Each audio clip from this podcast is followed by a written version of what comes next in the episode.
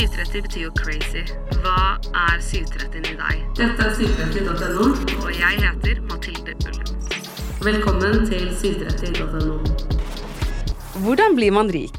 Og hvorfor er alt så dyrt? Og hvorfor flytter alle til Sveits? Det her er, er blant mange spørsmål jeg har. I dag har jeg selveste Hallgeir Kvatsheim fra Luksusfellen til å hjelpe meg med disse tingene. Ja. Og i tillegg så er det jo masse spørsmål fra lytterne. ja.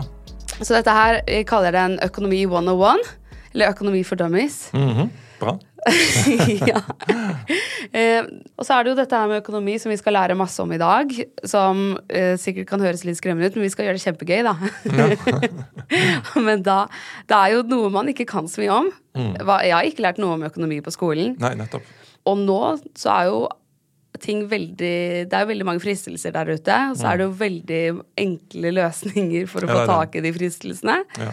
Og det er dritdyrt å dra til, på ferie, f.eks., men man har jo fortsatt lyst til å gjøre det. Og du ser jo Og, mm, og ikke minst, altså, det er jo så synlig, eh, Mm. alt det alle andre gjør. Altså, hvis du eh, bestemmer deg for at nå, nå er jeg, er nødt til å stramme litt inn og kan ikke dra på den ferien, eller kan ikke dra så mye ut, eller ikke sant, kan ikke dra på festivalen, så vil du jo se at alle andre gjør det.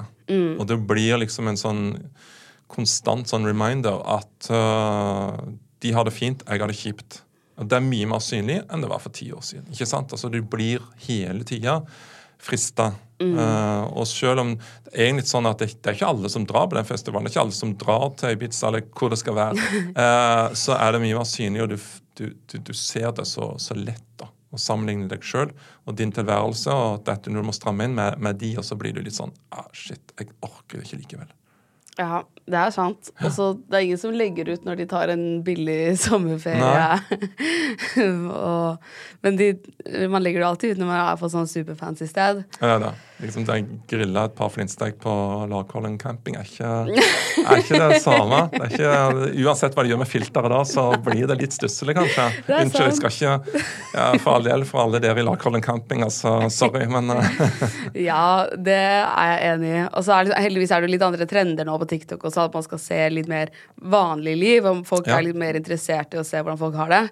Og folk er liksom kjempeflinke med å gi økonom, økonomitips på TikTok og sånn. det er det. Men, uh, Særlig på det som er som forbruk, altså mat, hvordan du kan uh, faktisk uh, få gode, billige middag, middager som likevel er sunne osv. Der er det ganske mye bra innhold, faktisk. Ja. Men nå må vi bare begynne fra toppen her, fordi jeg skjønner ikke helt hvordan Hvorfor er ting så innmari dyrt nå? Sånn, Ja. alt er dyrt. Boligmarkedet, liksom, det å leie bolig, kjempedyrt. Ja. Matvarene er dyre.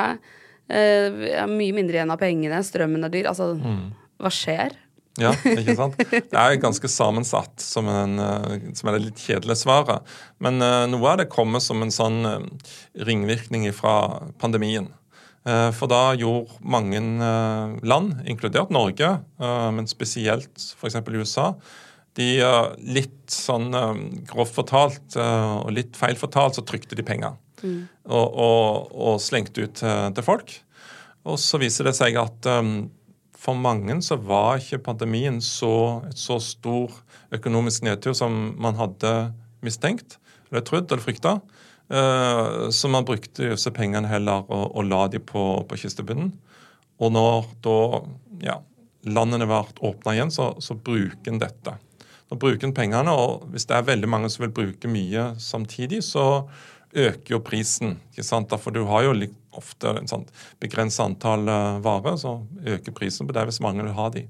Og Så har du i tillegg da selvfølgelig ting som krigen i Ukraina, som gjør at eh, logistikken Og det er for så vidt etter pandemien også, som gjorde at logistikken altså bare det å sende skip med varer ble vanskeligere og dyrere. Det å sende trevirke fra Ukraina til via Finland til Norge f.eks. ble dyrere. Så, så disse eh, tingene også gjorde jo at eh, prisene, økte. da.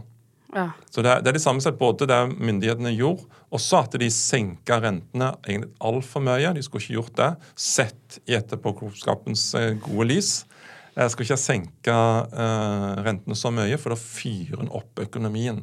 Altså Rentene er jo leie av penger, og hvis leien av penger blir veldig billig, så, så vil folk ha mest mulig av pengene. En låner mest mulig. Det er klart Hvis du skal betale 1-2 det koster jo ingenting. Så der, Derfor kan jeg eh, kanskje låne dobbelt så mye som jeg hadde tenkt. Det er altså med på å fyre opp økonomien, sånn at den blir, eh, blir for eh, heit, rett og slett. Og ja. Da må man ta ned, for nå går jo inflasjonen i været som, som, følge av dette. Ja, De rentene har de satt opp, da. Det har jeg merket. Det har de så til de grader, ja. Mm. ja, var, Man leser jo så mye på, i nyhetene altså nå, nå kommer dette til å skje og dette til å skje, og så merker man det ikke. Nei. Og så var jeg sånn Hei, jeg har jo ikke fått lønn. Og så går jeg inn og så bare Å ja, alt er borte i renter. Ja. Hæ? Ja, stemmer. Ja. Så det eh, merket man jo. Det svir seg, for det, du tenker at det er jo det samme du har som du hadde før. Lånet er jo det samme, så hvorfor skal du betale mer? Så det føles jo litt urettferdig. Ja, ja, det er mange som lurer på hva de skal gjøre med boliglånet sitt, og om de skal leie ut bolig og alt sammen. For det er jo ja. Du, altså det er jo bare penger rett ut av vinduet. Før så sa man jo alltid sånn ja, kjøp bolig fordi du betaler bare ned til deg selv. Mm, mm. Men nå betaler du bare etter banken. Ja, du betaler veldig mye til banken. Ja. Det gjør det. Hva gjør banken med de pengene? De bare sitter på de? Ja, De må betale også uh, mye for å, for å, låne inn penger, for banker sitter jo ikke gjerne med eller Noen banker, men ikke alle, sitter jo med, med si, pengene sjøl. Så de må jo også låne inn penger fra pengemarkedet. Så når prisen stiger der, altså rentene, så er det ikke sånn nødvendigvis at de tjener så mye mer på å låne inn de pengene som de gjorde før, når renta var lavere. For de betaler høyt pris og må betale og må kreve høy pris ut til, til oss. da. Ja. Mm, men de finner jo alltid noen muligheter for å tjene det ekstra. Det gjør de jo. Ja, de gjør jo det. Ja, da, for med at de ikke gir så særlig god rente hvis du har innskudd. Uh, det er en måte å tjene litt ekstra på, som de faktisk gjør. Ja, for det tenkte jeg på. Altså, nå har jo renten gått opp så mye. For da mm. renten gikk ned, så gikk jo renten ned på hva du hadde i banken. Ja, da tjente man ikke så mye på å ha Nei. penger i banken. Men man gjør ikke det nå, eller? Nei. Uh, altså, de rentene har ikke økt like mye som som boligrentene eller styringsrenta. Så der ja. uh, sørger bankene for å få litt ekstra marginer. Ja, mm. Så det er mm. flaks for oss alle som ikke har så mye penger ja, ja. i banken. det gjør ikke noe uansett. Nei, det er sant. Og det er jo studenter det kanskje går verst utover nå med økonomien. For de fleste må jo bo i storbyene, og der er det kjempedyrt å leie. Ja, spesielt boligkostnadene er jo, svir jo grassat for studenter. De, de leier jo. Uh, og så er det jo mat og drikke. Det utgjør ganske stor del av studentene sin, uh, sitt husholdningsbudsjett. Mer enn for folk som har en, en fast inntekt eller høyere inntekt. Mm. Uh, og de har jo også steget mye mer enn de andre prisene. Og sist, men ikke minst kultur, fritid, festivaler, konserter også steget mer i pris enn en andre varer. Så de blir jo skikkelig ramma av ja. dette. Life is full of awesome what ifs, and some not so much, like unexpected medical costs. That's why United Healthcare provides Health Protector Guard fixed indemnity insurance plans to supplement your primary plan and help manage out of pocket costs. Learn more at uh1.com. Quality sleep is essential. That's why the Sleep Number Smart Bed is designed for your ever evolving sleep needs. Need a bed that's firmer or softer on either side? Helps you sleep at a comfortable temperature? Sleep Number smart beds let you individualize your comfort so you sleep better together. JD Power ranks Sleep Number number 1 in customer satisfaction with mattresses purchased in-store. And now, save 50% on the Sleep Number limited edition smart bed for a limited time. For JD Power 2023 award information, visit jdpower.com/awards. Only at a Sleep Number store or sleepnumber.com. There's never been a faster or easier way to start your weight loss journey than with PlushCare. PlushCare accepts most insurance plans and gives you online access to board-certified physicians who can prescribe FDA-approved weight loss medications like Wigovi and Zepbound for those who qualify. Take charge of your health and speak with a board-certified physician about a weight loss plan that's right for you. Get started today at plushcare.com slash weight loss. That's plushcare.com slash weight loss. plushcare.com slash weightloss. Mm. Har du noen tips til studenter? Mas litt på politikerne, få litt høyere studiestøtte, kanskje. Nei, ja. men uh, du kan jo uh, det, det, som er godt kanskje med de tidene vi er inne i altså En av grunnene til at inflasjonen er høy, er jo bl.a. fordi at det går ganske godt med Norge. Uh, det, er veldig, det er veldig lav arbeidsledighet og stort behov for, uh, for uh, arbeidskraft. Mm. Uh, det betyr også at deltidsstillinger der er det ganske mye å velge blant. Også for studenter, også hvis du ikke har noe erfaring. Så det å få en ekstra jobb Uh, Iallfall i feriene. Det er jo kjempeviktig. Og lettere nå enn det har vært på, på veldig, veldig lenge.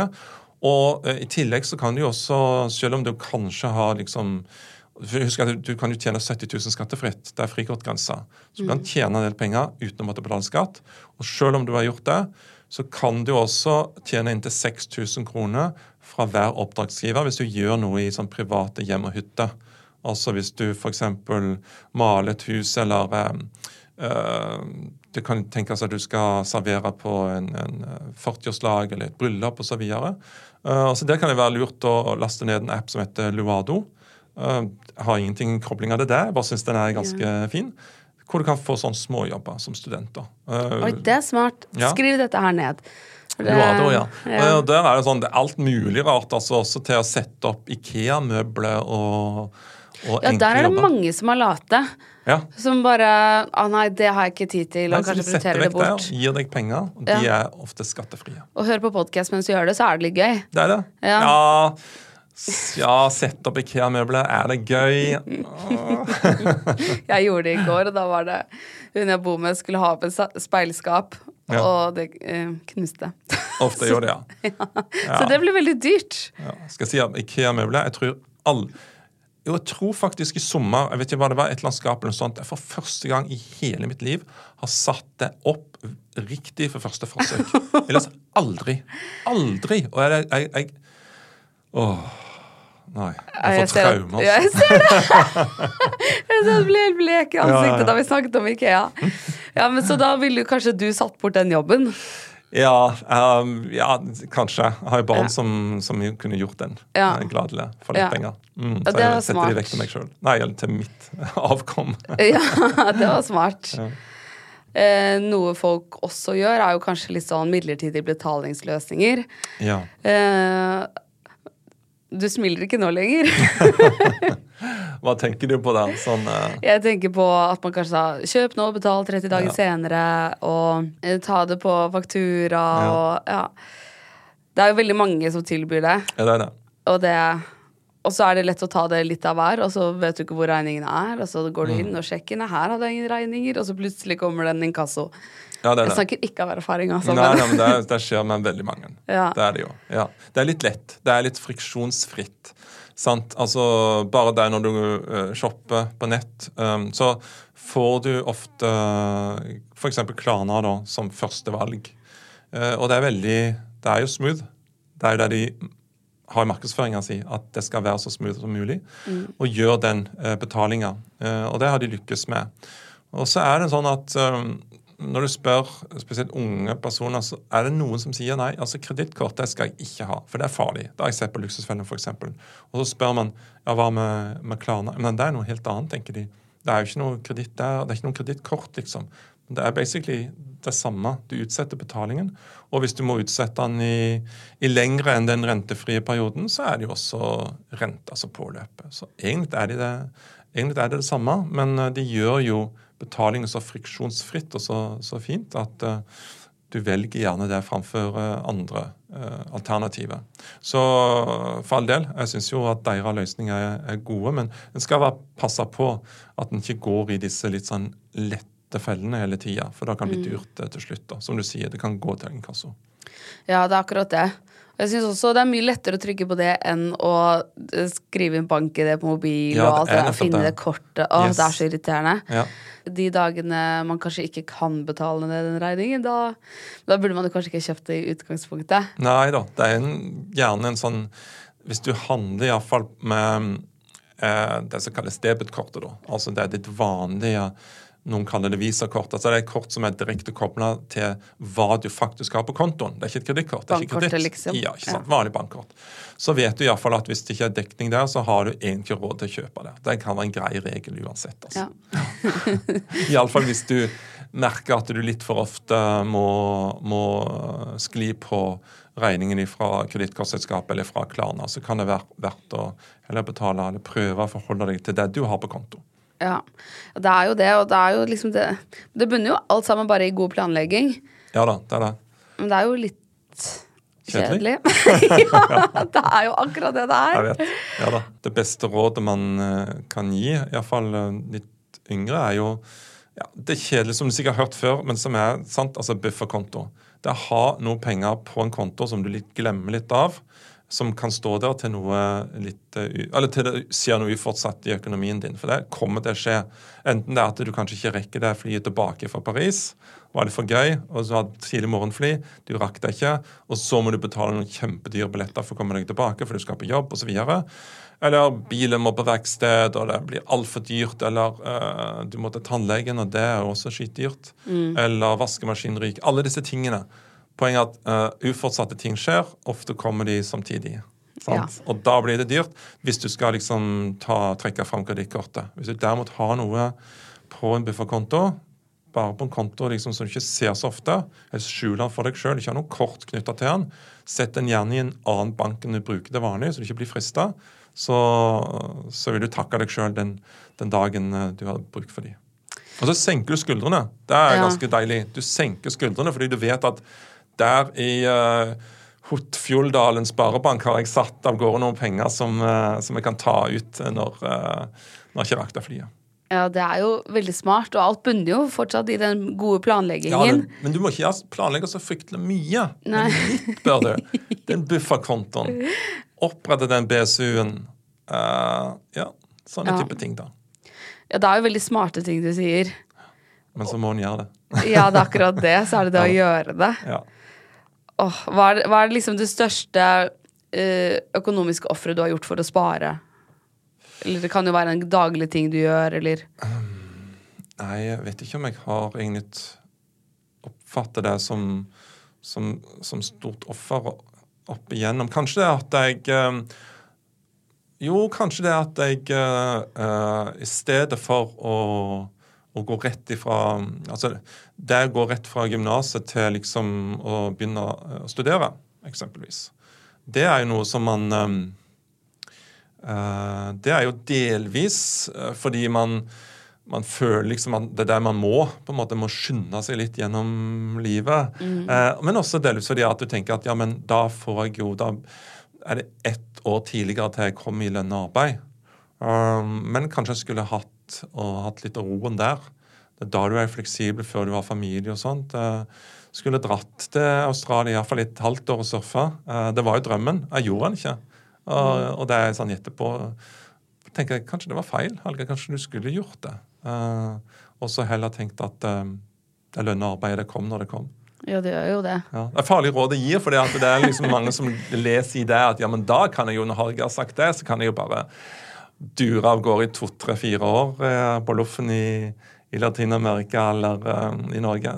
Det kan Det være riktig viktig, det også, men altså Det er ikke så mange som gjør det. Det er mange Nei, som reiser før man studerer, men ikke Ja. så mange som gjør det Nei. rett etterpå. For da skal du jo på en måte betale ned dette lånekasseopplegget. Og, Ja.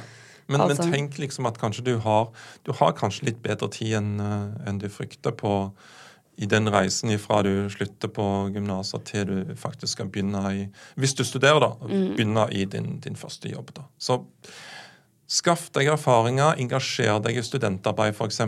Dessverre er det sånn som følge av at studiestøtta er såpass eh, lav i forhold til det den var før, iallfall målt mot uh, prisveksten, at mange ser at de ikke kan engasjere seg i, i frivillig studentarbeid, arbeid, eh, fordi det er jo gratis, uh, mens de må heller gå og jobbe på, på Rema eller få inn penger.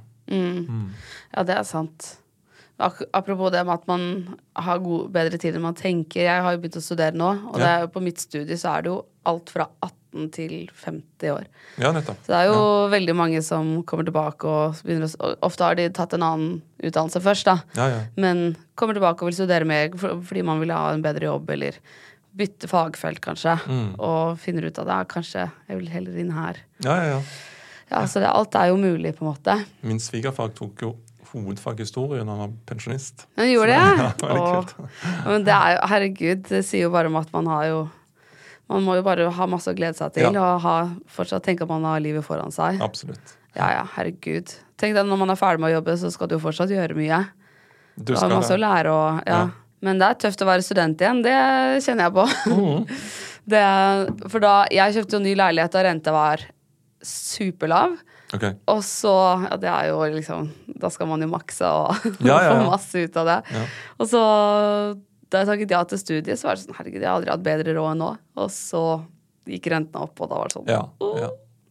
Så da har jeg leid ut leiligheten da, og bor med en venninne, og det ah, ja. er jo- er jo veldig smart. ja, det er det jo. Største økonomiske offeret jeg har gjort i mitt liv.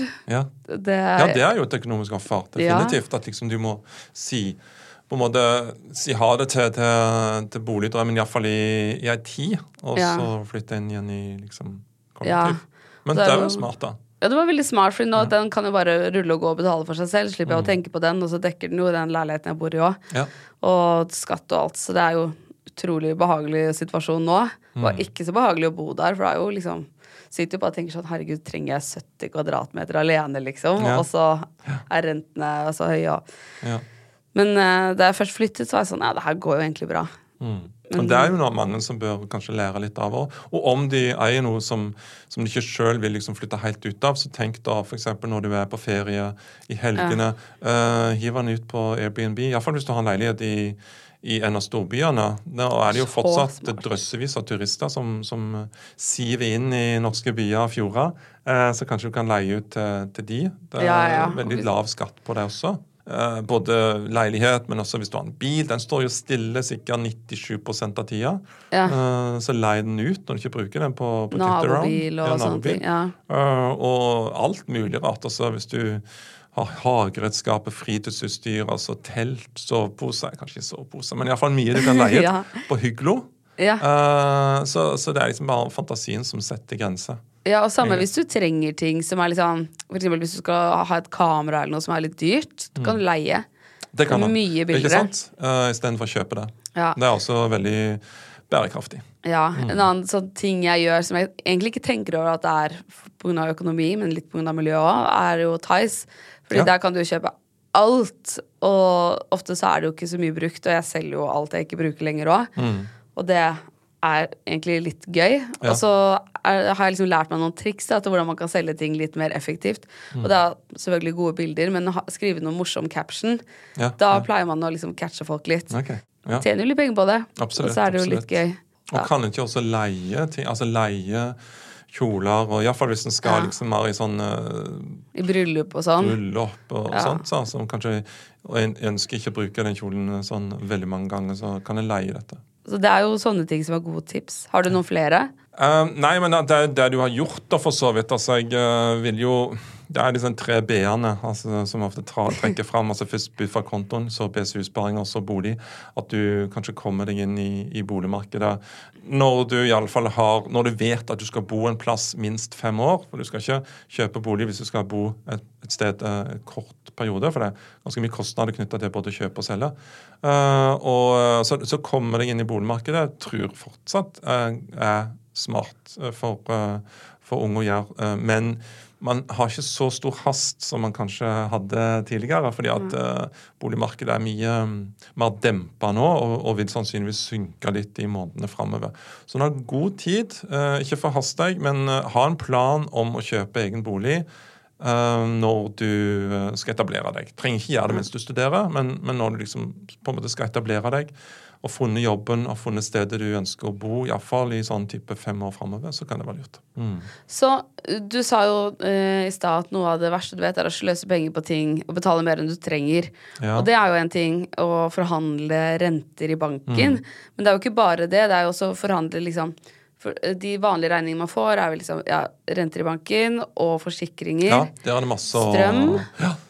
Ja. Og ja, alle disse her tingene Jeg har jo ikke helt visst hvordan man gjorde dette før jeg har sett Luksusfellen og sånn. Og der kan man, man kan bare ringe.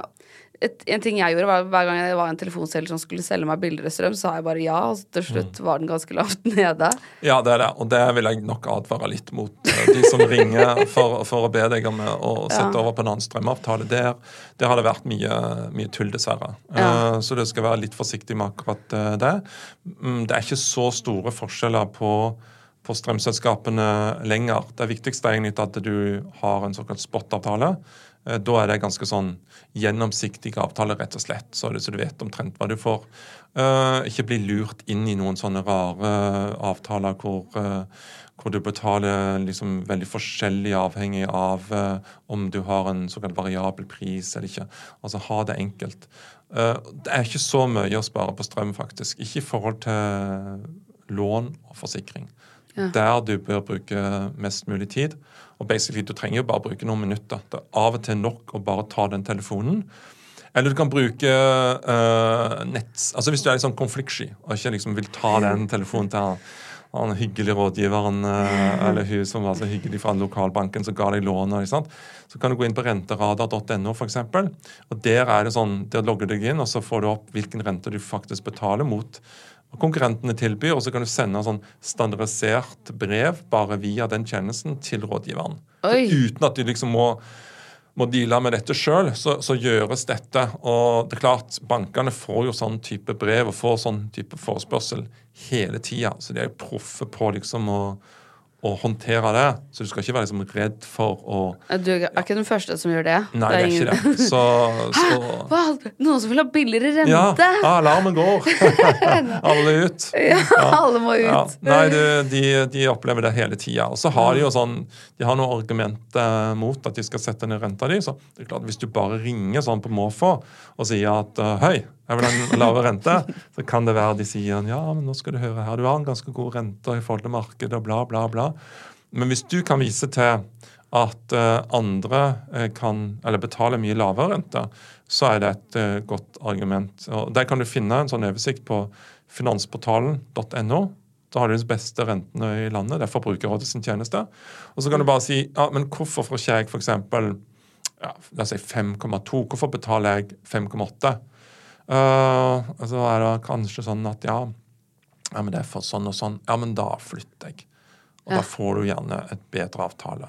Med mindre da det er spesielle forhold knytta til at du har fått en veldig dyr toppfinansiering og bla, bla, bla. Men hvis du er liksom vanlig kunde, så, så er after det nok. Og sjekk spesielt hvis du er fagorganisert. I LO eller Akademikerne eller KONA eller Sykepleierforbundet eller Juristforbundet, så har de veldig gode renteavtaler med, med sine banker, som du også kan inngå. Eh, og om du ikke ønsker denne avtalen, ikke ønsker liksom å inngå den avtalen, så kan du likevel si til din gamle bank at denne banken du har, da, at hør nå her, jeg er LO-medlem, jeg kan få en veldig god avtale gjennom Sparebank1, kan dere matche dette? Og da vet de allerede at ok, shit, han eller hun har faktisk det tilbudet, for de er fagorganisert. Og da bør vi matche det, hvis ikke så, så mister vi. Er det noe mer enn forsikring og bank og Ja, først må du se om du har behov for forsikringene. Igjen, Hvis du er LO-organisert, så har du jo inkludert i kontingenten din så har du en sånn gratis innboforsikring. Så du har passer på at du ikke har dobbeltdekning, at du ikke også i tillegg har kjøpt en separat innboforsikring. For Og du får hvis du ikke dobbelt kjøper- opp liksom, når du, hvis noen stjeler noe. Nei, det er sant. Mm. Og hvis du kjøper leilighet, så får du også med forsikring. Uh, det, det bør være en forsikring der, Ja. iallfall. Men det Ja. kan som sagt være at du har en forsikring gjennom uh, LO. uh, så det bør du sjekke. Så hvis du f.eks. har en reiseforsikring, og så sier Hvis du er på en sånn pakkereise eller noe sånt, så sier de ofte ja, skal du ha en forsikring ved, siden av. Det er lurt når du skal på reise. Ja, kanskje jeg bør ha det, men de er ofte dyre, litt dårlige. Og hvis du har allerede reiseforsikring, trenger du ikke det. Du har ikke ha to stykk igjen, fordi du får ikke dobbelt opp hvis noen stjeler bagasjen din. Som hadde vært veldig digg om skjedde. Men Ja da, men det er ikke sånn. det er ikke sånn det er. Men aldri reis uten reiseforsikring. Det er Ah, det spørs. Altså Hvis du skal til Køben um, eller til London, um, da, da er du allerede um, dekka for sånne altså Hvis du skulle bli lagt inn på et offentlig sykehus, så er du dekka på samme måte som innbyggerne i det landet du reiser til, hvis det er innenfor EØS. Men hvis du blir ranet eller noe, da? Ja, da må du reise reiseforsikring. Ja. Ja, det var det. Så altså, det kan jo være, kan være lurt, altså, men de, de største kostnadene er gjerne knytta til, til sykdom. Eh, og innleggelse på sykehus, hjemtransport osv. Så, videre. så hvis du reiser iallfall utenfor Europa, så reiser du USA eller Thailand, eller noe sånt, så du må ikke finne på å reise uten reiseforsikring. For all del. Det må du uh, sikre deg. Du kan riktignok få en inkludert hvis du betaler reisen med visse kort, altså ofte kredittkort. Du betaler det, så har du en reiseforsikring inkludert. Men da må du sørge for at minst halvparten av reiseutgiftene er dekka med det kortet. Det må du huske på. Og så er ofte en sånn helårs reiseforsikring som man kan få fra forsikringsselskapet sitt, er ofte kanskje bedre enn en del av disse sånne kredittkortforsikringene. Så ja, for å liksom ha litt lavere skuldre, så er det ofte lurt å ha en reiseforsikring. Iallfall ja. hvis du reiser utenfor EØS. Ja. Ja, det er smart. Herregud, tenk om man et eller annet skjer i USA, så må du betale liksom 1,5 millioner. Ja, det er, det er fort, det. Sykt dyrt. Det er det. Koster ikke sånn 500 000 å føde eller noe? Ja, minst. Ja, ja, ja, ja, Det er folk som har hatt med seg en regning på et par millioner etter å ha ligget noen døgn på, på, amerikanske sykehus uten forsikring. Så det må du passe på. Det høres helt forferdelig ut. Ja, det er det. Det er virkelig forferdelig. Ja, men For dette her med økonomi, det er jo så innmari sårbart. Og det, ja. det er mye lettere å snakke om når man ikke har opplevd sånn en ordentlig vanskelig situasjon man ikke vet hvordan man skal komme seg ut av. Ja. Og, men det er jo mange Jeg husker det var en som var på God morgen Norge. Han hadde hatt en sånn heftig spillegjeld. Og mm. han sa at han eh, gikk bare Han hadde jo tatt penger fra foreldrene sine også, mm. og havna i en skikkelig vanskelig situasjon. Og han sa at nei, jeg måtte bare ut og snakke offentlig om det, fordi han hadde jo sittet hjemme og vurdert å ta livet sitt. Ja. Og det er jo mm. så jævlig å tenke på at noen er der så langt nede. Ja. Mm. Så han gikk jo ut for å liksom fortelle andre at du er ikke alene om dette, for det er jo så ensomt. Man snakker jo ikke om det. Gjør ikke det. Og man så. føler seg så dum, vet du. Ja. Uh, og man tror nettopp at man er, man er alene om det. Uh, men det fins jo, jo, utveier, det fins jo ordninger, det fins jo i verste fall, uh, Ikke i verste fall, men det fins gode gjeldsordninger også som man kan eh, også når man, Spesielt kanskje når man skylder mye penger og man vet at ikke kan tilbakebetale dette. Ja. Så det, så det fins løsninger som må ikke tenke at dette er fortapt, og, og, at det er mange andre som har vært i lignende situasjoner. Ja, ja, ja. Må, hvis noen hører på noe og kjenner seg igjen, så må man huske at du er ikke alene. Nei, definitivt ikke. Og det fins så mange muligheter, for det er jo mange ordninger som kan hjelpe deg. Det er det. Det første du gjerne bør gjøre, uh, er å ta kontakt med Hvis du, ser, hvis du er i ordentlig knipe og, ikke, og, vet at du kanskje ikke får hjelp av banken fordi at du har ikke kanskje boliglån eller, eller noen lånemuligheter der, eller andre måter, så, så ta gjerne kontakt med en økonomisk rådgiver hos Nav. Det er gratis. Uh, og Der får du god hjelp. Eh, gode råd, og du kan også eh, Hvis du kvalifiserer for sånne ordninger som gjeldsordning, og, og sånn, så kan du også eh, komme inn i det med deres hjelp. Og så kan man jo ringe og forhandle. Hvis man kan betale litt, så kan man ja. jo vel på samme måte som man forhandler rente, så kan man bare forhandle hos kreditorer. Ja, det, det spørs litt. Altså, ja. klart, hvis du, hvis du, har bare en eller to regninger som, som har gått litt sånn surt, så, så, tror jeg ikke du kan forhandle så mye om det. Det, det handler litt om hvorfor du har havna der, uh, hvor god inntekt du har, hva du eier. Ja, det er ganske mange faktorer som er med på å bestemme om uh, inkassoselskapene vil uh, ha fylt oppgjør, som det heter, altså alt tilbake, eller om de kan, om de kan gå ned på, på, på, den summen du skal betale. Så du, du, må ikke gå ut fra nødvendigvis at du, du kan liksom forhandle dette ned. Det er veldig, veldig individuelt. Ja. Mm. Det er jo noe dere gjør for deltakerne, og så ja. tar de noen telefoner selv òg. Ja, det er det. Og det er klart for våre deltakere, de er jo så De har så stor gjeld ofte, og har så mange kreditorer at da er nesten ofte kreditorene nødt til å se at ok, hvis de skal betale alt det de skylder til hver enkelt, så går ikke dette regnestykket uh, i hop. Og for at vi i hele tatt skal få noe, så er vi kanskje nødt til å, å gi litt ved, ved dørene. Så, så, det er derfor vi får til sånne ordninger. Uff. Ja. ja. Vi har jo hatt flere uh, gjester i, podkasten som har fortalt om at de har slitt litt økonomisk. Og ja. ja. det er mange Det er lettere å snakke om det når du er ute av det, da. Det er klart, det. Ja. altså, jobb nummer én er ofte bare å få oversikt over hva du faktisk skylder. Og det er ofte det vanskeligste. For det er at det er som mm. Du skylder kanskje noe her og noe der, og så har du inkassosakene. Så um, vi, altså meg og Lene Drange, min medprogramleder, vi lagde jo selskapet Inkassoregisteret for et par år siden og har nå i ett år da, uh, hatt en tjeneste som gjør at folk gratis kan logge seg inn med BankID og så få oversikt over om de har noe på inkasso, og, og hvor det befinner seg. Eh, bare det er jo ganske gull, fordi det fins ikke sånn sentral oversikt. Og du kan jo ha din inkassosak i en av de 76 ulike inkassoselskapene som finnes. Det er vanvittig mange. ja. eh, og det finnes ikke noe sentral oversikt eh, før, før fall vi lagde det. Og, det. og det er gratis. Mm. Du bare logger deg inn med BankID, og så gir du oss samtykke til å hente inn dette. Så det er jo også en, uh, en mulighet for, for, å skaffe oversikten. da. Og ja. gjeldsregisteret.com, der også kan du logge deg inn og få oversikt over usikra lån, altså forbrukslån, kredittkort, handlekonti osv. Det er ja. to gode uh, plasser å starte. Ja. Sikret lån det er liksom et boliglån eller ja. billån. Mens, ja. Usikra lån er på en måte mye av det andre, da. Uh, som ofte er det som har dyrest rente også. Cool fact a crocodile can't stick out its tongue. Also, you can get health insurance for a month or just under a year in some states. United Healthcare short term insurance plans, underwritten by Golden Rule Insurance Company, offer flexible, budget friendly coverage for you. Learn more at uh1.com. There's never been a faster or easier way to start your weight loss journey than with PlushCare.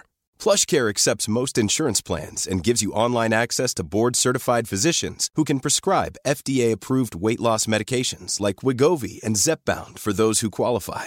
Take charge of your health and speak with a board-certified physician about a weight loss plan that's right for you. Get started today at plushcare.com slash weight loss. That's plushcare.com slash weight loss. plushcare.com slash weight loss. Quality sleep is essential. That's why the Sleep Number smart bed is designed for your ever-evolving sleep needs. Need a bed that's firmer or softer on either side? Helps you sleep at a comfortable temperature? Sleep Number smart beds let you individualize your comfort so you sleep better together. JD Power ranks Sleep Number number 1 in customer satisfaction with mattresses purchased in-store. And now, save 50% on the Sleep Number limited edition smart bed for a limited time. For JD Power 2023 award information, visit jdpower.com/awards. Only at a Sleep Number store or sleepnumber.com.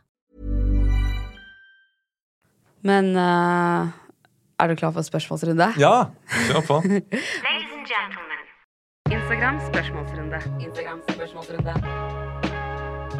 Spør om hva du vil. Spør om hva du vil. Hvordan blir man rik? Oi sann, hvordan blir man rik? Um, ja, bli veldig god å spille fotball, f.eks. Ja. Um, det er en måte å bli rik på. Det er jo spissa talentet sitt, kanskje.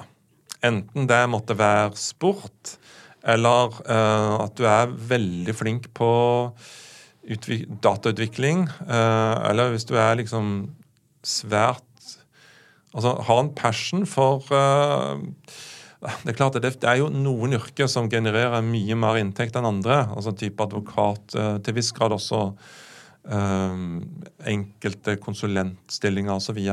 Som genererer ganske store inntekter. Hvis du vil, vil, på en måte være lønnsmottaker, som jo tross alt en fotballspiller er. sant? Yeah. Um, men hvis du vil bli rik på andre måter, så må du ofte ta risiko. Uh, og hvis du ser på de som er på topp 100-lista i Kapital, eksempelvis, av Norges rikeste, så er det folk som har tatt veldig høy risiko i ganske høy alder. Det er ikke sikkert det passer for deg, um, men har starta noe sjøl. Mm. Uh, Petter Stordalen, uh, Jon Fredriksen mye, mye ja, selv, ja. ja Reitan. Altså, de starta ganske for scratch av. tok høy risiko. levde lenge uten å kanskje ha noe særlig inntekt gikk kanskje til og med konkurs eh, første gang, andre gang. Mm. Men eh, klarte det til slutt. Og det å ta ganske høy risiko, det passer slettes ikke for alle. Du kan bli rik som gründer, men vite at også de fleste ikke klarer å bli rike. Eh, og må finne noe annet å gjøre. Uh, så, så, jeg skal ikke skal, skal, si som sant det, at det er en lang vei for å bli rik her i landet. Uh, og eh, så kan du selvfølgelig arve penger, da. Da er det mange som er blitt rike, men, eh, men det er jo ikke for, for alle. Nei. Så det er liksom det med å ta risiko, starte opp noe sjøl, eller finne da en nisje eh, som det er behov for, og der det, der det er store pengestrømmer. Sånn som f.eks. innenfor eh, forretningsjuss, eller innenfor konsulentbransje, eller innenfor eh, utvikling. Altså data, å være datautvikler også er jo ganske eh, ganske bra, for så vidt, eh, eh, lønn på.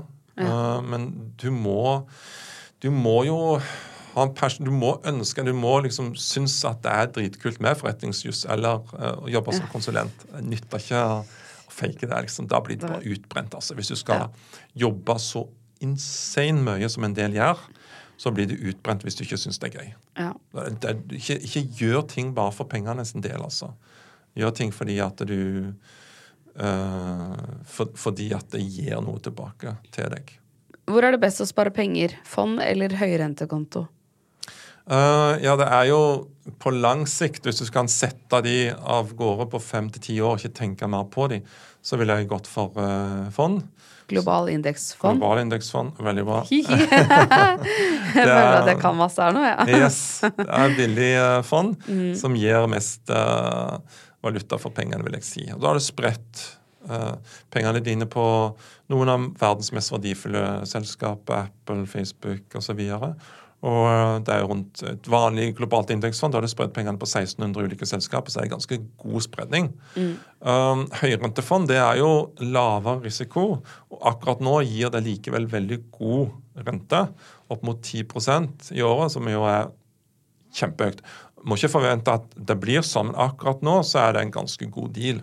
Men, men du bør nok um, være sikker på at du kan ha pengene der i kanskje én til to år iallfall. Fordi det går litt opp og ned, og hvis du er heldig, så må du trekke de ut, de pengene, akkurat når det er litt uh, ugunstig situasjon. Så jeg vil nok helst hatt de der i Eller vite at du kan ha de der i én til to år. Uh, to år rundt. Og så hvis det er aksjefond, bør du ha minst fem eller ti års, helst over ti års spare og sånt. Okay. Og BSU er jo også knallbra rente på, da. 6 rundt det. Ja. Al altså, man kan jo spare 25 000, tror jeg. Er det ikke det, i Ja. året på BSU? 27 Ja, det har økt litt, så det er 27 500 i året. Ja. Mm. For 10 Men det er jo fortsatt ganske mye for noen studenter. Og, Ja, ja, jeg trenger ikke være del. student for at det er mye å Nei, nei, spare nei, i for all del, det er mye. Men du trenger ikke spare opp til makskvota. Du kan jo Nei. bare spare 5000 eller 1000 eller 500. Bare at du begynner, er viktig. Eh, og så viser du banken da etter hvert at du har litt sånn disiplin. At du setter av en 50-lapp i måneden, f.eks. Ja, det er sant, Fordi Ja. da kan de gå inn Da kommer de inn 'Å, Hallgeir, du skal ha lån. Mm. Du skal kjøpe din første leilighet'. Mm. Ja. Og ja, her ser vi at du har satt inn 25 000 eller 10 000 hver, må, hvert år. Eller 1000. I, ja, eller 1000 Mm. Det kan være være små beløp også, men at det viser at du har litt sånn stamina. At du gjør dette Ja, hvert så eneste år.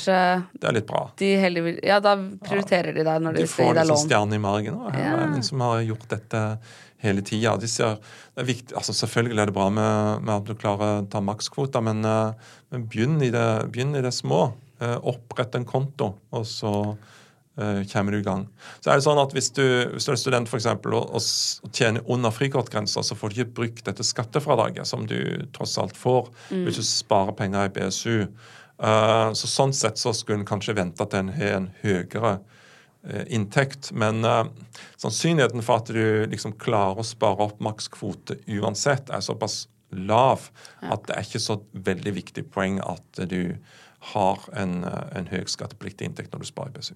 Ja, det er sant. Så bare sett i gang helst. Hvis man jobber veldig mye ved siden av studiet, Mm. så du kan jo ikke tjene mer enn 200 000. Da Nei, mister du jo eh, studiestøtten. Mm, Grensa går på 205 000 nå. Eh, og så er det ikke sånn du mister, du mister, du mister ikke studiestøtta, men du får ikke omgjort alt til stipend. Og det er jo synd, for stipend er jo gull, for det er gratis penger. Ja, Eh, lån ja det opplevde jeg da, nå for ja, rett det, ved ja. sommeren. At Ikke da sant? fikk jeg et lite brev. Jeg bare, åh. Ja, Så det var jo kjipt. en god motivasjon til å leie ut leiligheten, men det var utrolig kjipt. For Ja, det er man, det. jeg har jo jobba mye for å ja, bare Man sitter jo ikke igjen med så veldig mye, Nei, så det ikke var en sant? ganske kjip Så følelse. den grensa burde egentlig kanskje vært litt eh, høyere. Ja. Men, men pass litt på, spesielt når det nærmer seg årsslutt. Mm. eh, November-desember. Eh, så når du blir bedt om å ta ekstra vakthelg eller noe sånt nå, det er ikke sikkert det lønner seg faktisk. Hvis du akkurat ligger på den grensa på rundt 205 000 i løpet av et år, kan Mm. det være at du heller skal, skal gjøre noe annet med den tida. fordi det egentlig så går, hvis du, hvis du er over den grensa, da, Så mister du jo 60 000 eller eh, 100 000 eller i året. Ja, du kan Altså, det spørs hvis du er bare rett over grensa. Hvis du liksom tjener 210 istedenfor liksom, under 205, så er det bare de 5000 der Ja. som er med på å kutte stipendet ditt. Ja. Så det, det er noe av de 5000 som på en måte kutter stipendet. Så det er ikke, det er ikke mer enn det, kan du si. Uh, men samtidig så er det sånn at hver krone du tjener over den grensa, uh, da sitter du egentlig bare igjen med 25 øre uh, Ja. av den krona. 75% forsvinner pga. det stipendkuttet og pga. Skatten du betaler. Så det er ikke sikkert at eh, du ønsker å ta den ekstra vakthelga Nei, det er sant. Mm, så sjekk det liksom før du eh, Ja. Ta fri i stedet. Ta fri med god samvittighet. Er det lurt å ta opp studielån for å, eh, for å nedbetale annet lån mens man er student?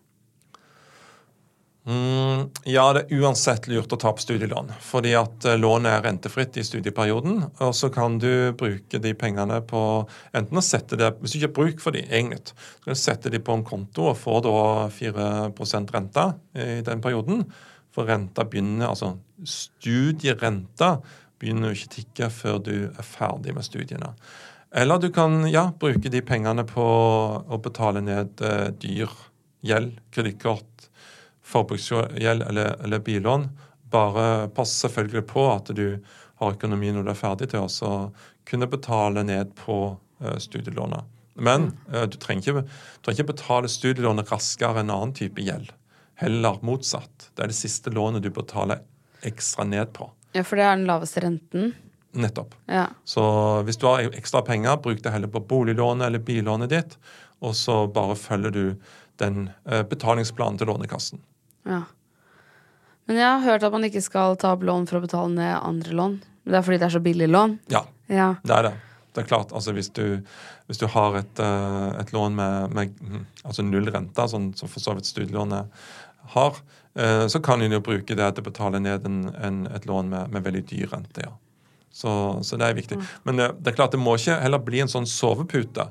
At ok, nå fikk jeg bare et kjempestort studielån som jeg pøser inn på dette dyre lånet. Det kan jo være det riktige for deg å heller betale ned, dette gradvis med egne penger. eh, på den måten så ja, på en måte det koster deg litt ekstra. Det er liksom litt mer slitsomt, men, men det kan være at det, det skaper en litt mer reell endring i din, i din økonomi da, ved å gjøre Ja. dette sånn gradvis istedenfor bare få et nytt lån å betale ned på. Men Ja, studielånet er jo det beste lånet du kan ha, egentlig. For det er det jo noen av deltakerne som har gjort at de bare refinansierer lånene Yes. sine hele tiden. Ja. Og så blir det bare mer og mer, og forbruket går opp. Ja, for de har liksom sett en plass at det er lurt å ta opp ett lån for å betale ned tre eller fire andre dyre. Og det er for så vidt riktig, det. Eh, Og da har du liksom én bank du skal betale til istedenfor fire andre, og du har kanskje også en lavere rente. Så på papiret så ser dette bra ut. Men hvis du bare fortsetter med din økonomi sånn som du alltid har gjort, og ha litt for høyt forbruk, som var nettopp grunnen til at du endte opp med fire eh, små dyrelån, så har det ikke så mye endra seg likevel.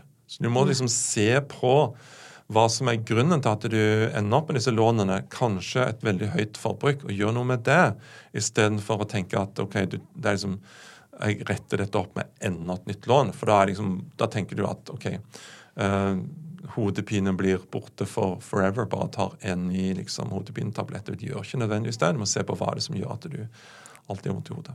Hva kan man gå til for å få hjelp til økonomien? Ja, Hvis du sliter veldig, så er det jo Nav, eh, økonomisk rådgiver der, gjeldsrådgiveren der, de, de eh, tilbyr gratis rådgivning. Du kan også ringe en sånn eh, gjeldstelefon, uh, som er mer uh, en sånn sentral kompetansesenter hos Nav, for litt sånn Ikke si enklere spørsmål, men hvis du ikke trenger liksom hands on-hjelp, bare for råd, så kan du ringe jeg tror det er 55 55 39 39. Det er bare så google Nav gjeldstelefon, så, så finner du det nummeret iallfall. Uh, bankene, hvis du har vært kunde der i mange år, så kan det godt være at de forbarmer seg over deg og gir deg råd. Hvis du er lånekunde der, så kan det være at de kan øke lånet ditt. Hvis du har et billig boliglån, og heller bruke de pengene på å betale ned litt dyr eh, lån. Og så er det jo noe med å være åpen. Fordi du vil nok bli overraska hvis du er åpen at du kanskje har litt økonomiske problemer. At du kanskje har noen på jobben, du har en venninne du har eh, en venninne av en venninne som også har slitt, og som har gode råd. Du blir overraska over hvor mange egentlig som er i samme eller har vært i samme situasjon som deg, og som kan, eh, kan gi eh, gode råd. Så ikke vær så redd for å Iallfall ikke stikk hodet i sanden, for det, det, løser seg ikke av seg sjøl. Og det gjelder jo de som har litt sånn uh, gjeldsproblemer. Men hvis det er mer at du ja, skal plassere penger, eller at du uh, trenger råd for å ja, det er arv, eller, uh, eller du trenger råd for å ja, gjøre en bedre låneavtale eller forsikring og sånt, og så finnes det jo tross alt ganske mye informasjon på ja. på nettet. Uh, det finnes masse Facebook-grupper også, sånn mm. DN, kvinner og økonomi og Stemmer det. masse Stemmer det. ting. Vi har jo Pengerådet, som er vår egen podkast. Der er det tror jeg 30 000 uh, medlemmer på, på Facebook-gruppa vår. Ja. Og de diskuterer og spør hverandre, kommer med gode råd. Det er en veldig organisk diskusjon. Vi prøver ikke å blande oss i den. Det skjer masse god mm. Så Hvis du legger ut noe der altså, og spør andre hvordan gikk du fram for å få en forsikring, best mulig forsikringspris, eller uh, banken sier at de vil ikke senke renta mi, Uh, uansett hva jeg gjør, hvor, hvor, hva går jeg videre på, på dette viset? Eller uh, jeg skal ta fri et halvt år. Skal, hva skal jeg huske på? da? Ikke sant? Hvilke type uh, Taper mye pensjon, uh, får noe støtte osv. Legg det ut der, så får du svar. Mm. er vitsen med BSU borte, eller lønner det seg fortsatt å spare i det? Nei, Det er jo to ting som har skjedd de siste årene. Det ene er at du får ikke lenger 20% skattefordag, du får 10% skattefordag. Men det er tross alt ganske mye penger. Eh, legger du 27 500 kroner inn i BSU, så får du altså 2750 tilbake av staten. Eh, det er jo fantastisk, egentlig. Det er ingen sparing som er så gunstig som BSU på det viset. Men det andre ting som skjedde, var jo at i 2021 eh, så fikk du ikke fortsette å spare i BSU hvis du kjøpte bolig. Så Før så kunne du fortsette å spare opp helt til du nådde kvota totalt på 300 000, selv om du hadde kjøpt en bolig. Men det slutta de med, uh, myndighetene. Så, men det, det, betyr jo uh, like fullt at BSU er gunstig, og du kan gjerne fortsette å spare i BSU. Du får ikke skattefradraget, men du mm. får en veldig god rente, kanskje over 6% Og så lenge den renta er høyere enn den lånerenta du betaler, så bør du bare la BSU-pengene stå der, istedenfor å betale ned på, på, lånet ditt. Men pass på når du blir 34 år, eller noen banker har satt grensa på 36 år, da senker de renta ganske mye. Og Da bør du heller ta ut pengene og betale ned lånet ditt. Beste tips til unge som vil leve mest mulig økonomisk og en dag bli rike? ja, det er jo det med å, å, å liksom hva er rik, og, og hva er det som jeg har, hva er det jeg har penger Millionær! Millionær! ja. Eh, da er du kanskje, hvis, hvis du kommer deg inn i boligmarkedet og sparer jevnt og trutt der, så kan du fort bli millionær uten å ha tenkt på det. Nemlig at hvis prisene iallfall etter hvert og så går litt opp igjen, og du fortsetter å betale avdrag på, på boligen, sånn at det er sparing godt som noe annet, sånn at eh, litt mer av boligen din eies av deg sjøl og ikke banken, så kan det være at du ender opp som uh, millionær der hvis du setter liksom, at din er bolig minus gjelda di. Men, uh, men, ellers er det jo de tre b-ene igjen, da. Begynn med skaffe deg en bufferkonto, spar i BSU. Kom deg inn i boligmarkedet. Ikke forhast deg. Ikke nødvendigvis kjøp bolig mens du studerer. kanskje du skal jobbe noen år før du, før du kjøper egen bolig. Men, men det er jo iallfall en, en veldig god, en god start, da. Ja. og så er det jo sånn at du du må gjøre prioriteringer. Det er ikke sikkert at liksom, det første boligen du skaffer deg, skal være midt på Fogner eller på Grünerløkka eller på Nordnes i Bergen eller, eller på, midt i sentrum i Stavanger. Altså, kanskje du skal begynne med å kjøpe noe litt utenfor sentrum. Den mest lavterskel og beste måten å spare mye penger som står på konto, ikke BSU, er det fond? Ja, men igjen, det er jo, det er jo avhengig av hvor, hvor, lenge du kan la de pengene stå. Hvis dette er penger som du skal kjøpe bolig for om ett eller tre år, så vil jeg ikke latt de stå i fond. Det vil jeg latt de stå på BSU, tilgjengelig. fordi du kan jo risikere, hvis du sparer i, i aksjefonder, selv om du tenker at du skal ha de der i ja, eller hvis, Si da at du skal bare ha de der i tre år. Uh, så sier en gjerne at det er, er, lønnsomt hvis du skal la de stå i lang, lang sikt. Fordi det som kan skje i løpet av de neste tre åra, du kan plutselig risikere at aksjemarkedet bare faller 30-40% og da er det dritsurt hvis det er akkurat da du er nødt til å ta ut pengene for du skal kjøpe ny bolig. Så hvis du derimot lar det stå over mye lengre tid, eh, så er sannsynligheten mye større for at de nedturene som du, du får Du kommer til å få noen nedturer også, du kommer til å gå ned. Er mye mindre eh, og færre enn oppturene. Det er iallfall historien viser oss. At så framt du iallfall har minst ti år horisont, så er sannsynligheten veldig, veldig liten for at du går i minus. Det, er, så det var noen her som også lurte på dette med om de kan ta opp studielån for å eh, investere penger. Er det lurt? Ja, hvis ikke du, De fleste har jo bruk for studielånet til, til studien, men hvis du av ulike grunner kanskje tjener penger eller, eller bor gratis, så kan du definitivt uh, bruke studielånet uh, som en investering. Men det er klart hvis du, hvis du, hvis du f.eks. har tenkt å tilbakebetale lånet når du er ferdig med å studere, uh, så ville jeg ikke satt de i type aksjefond hvis det er bare igjen da tre år til du er ferdig med studiene. Men jeg tenker jo at det kan være fornuftig å spare studielånet og bruke det som egenkapital når du skal kjøpe bolig. For da syns, det syns banken er helt greit at du har studielånet, for det, det, er et sånt lån som ikke tar pant i boligen din. Uh, sånn at uh, For banken så er det jo uh, bedre sånn sett om du kommer med, til de med egenkapital på 400 000, selv om alt det er fra et studielån, enn hvis du altså du, du skylder 400 000, og du har samtidig 400 000 på konto. sant? Du er null.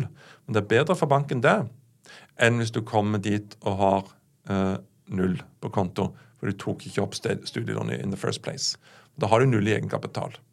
Forstår du det? Altså, Det er mye bedre å ha 400 000 på konto selv om du på en måte er null netto fordi du har 400 000 i studielån. For banken så er det bedre.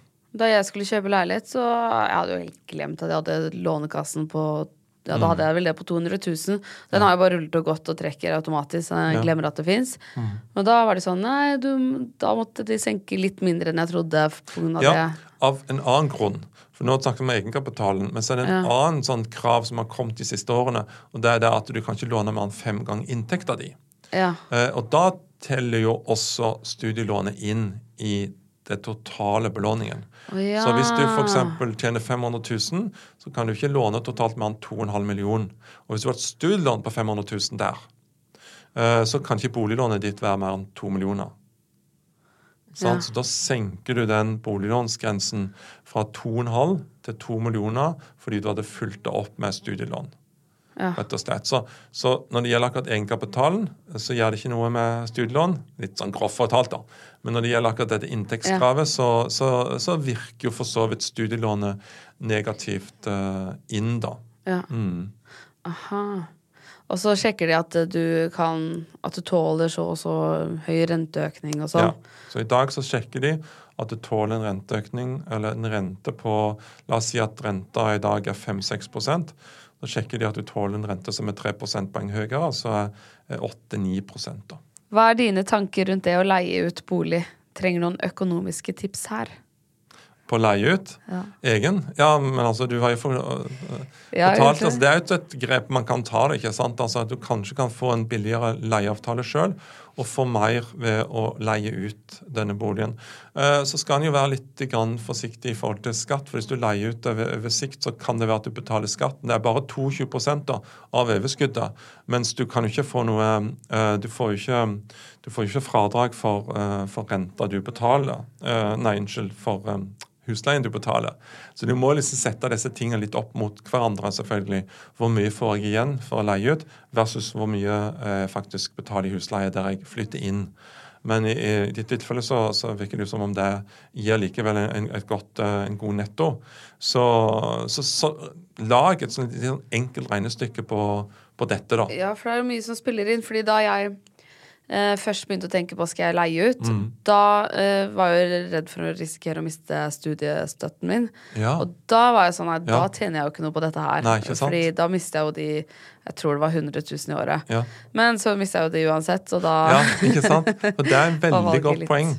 Eh, fordi at husleieinntekter det går rett inn på nettopp denne grensa som vi nevnte. Mm. Eh, så selv om du ser at ok, men jeg går ikke jeg går ikke så mye i overskudd ved at jeg leier ut samtidig som jeg, eh, som, som jeg må leie hos noen andre.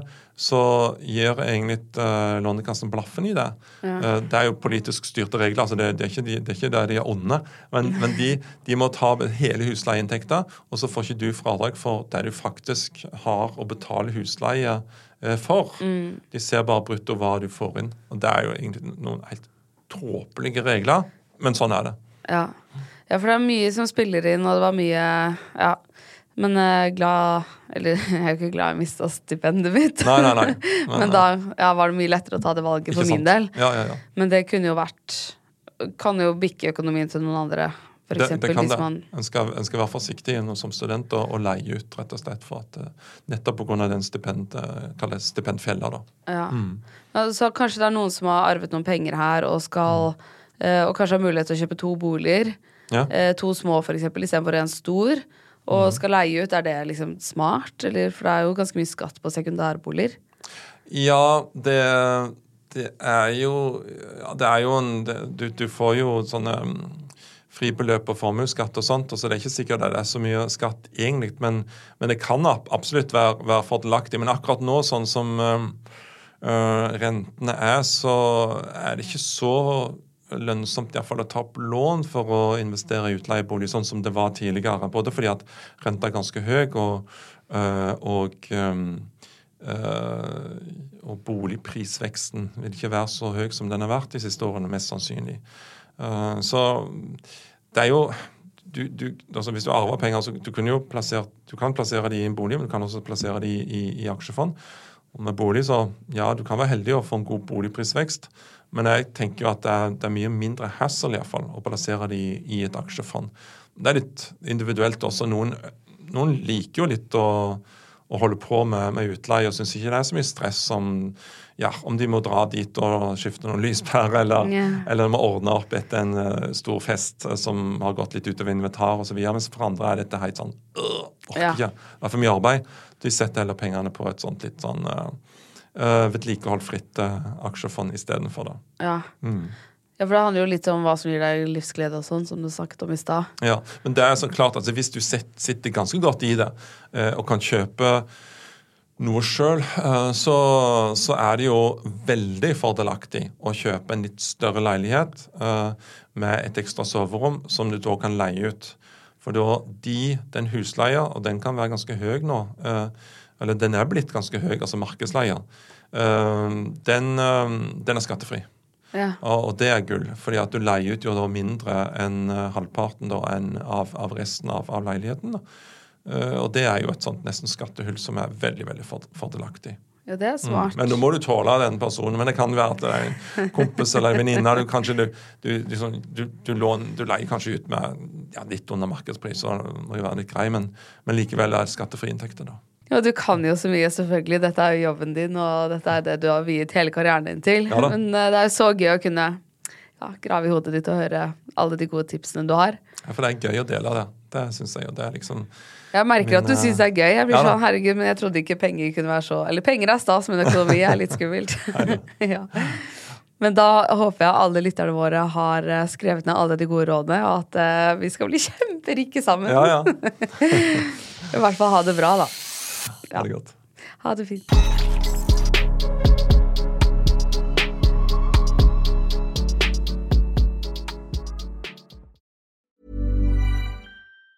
Hey, it's Danny Pellegrino from Everything Iconic.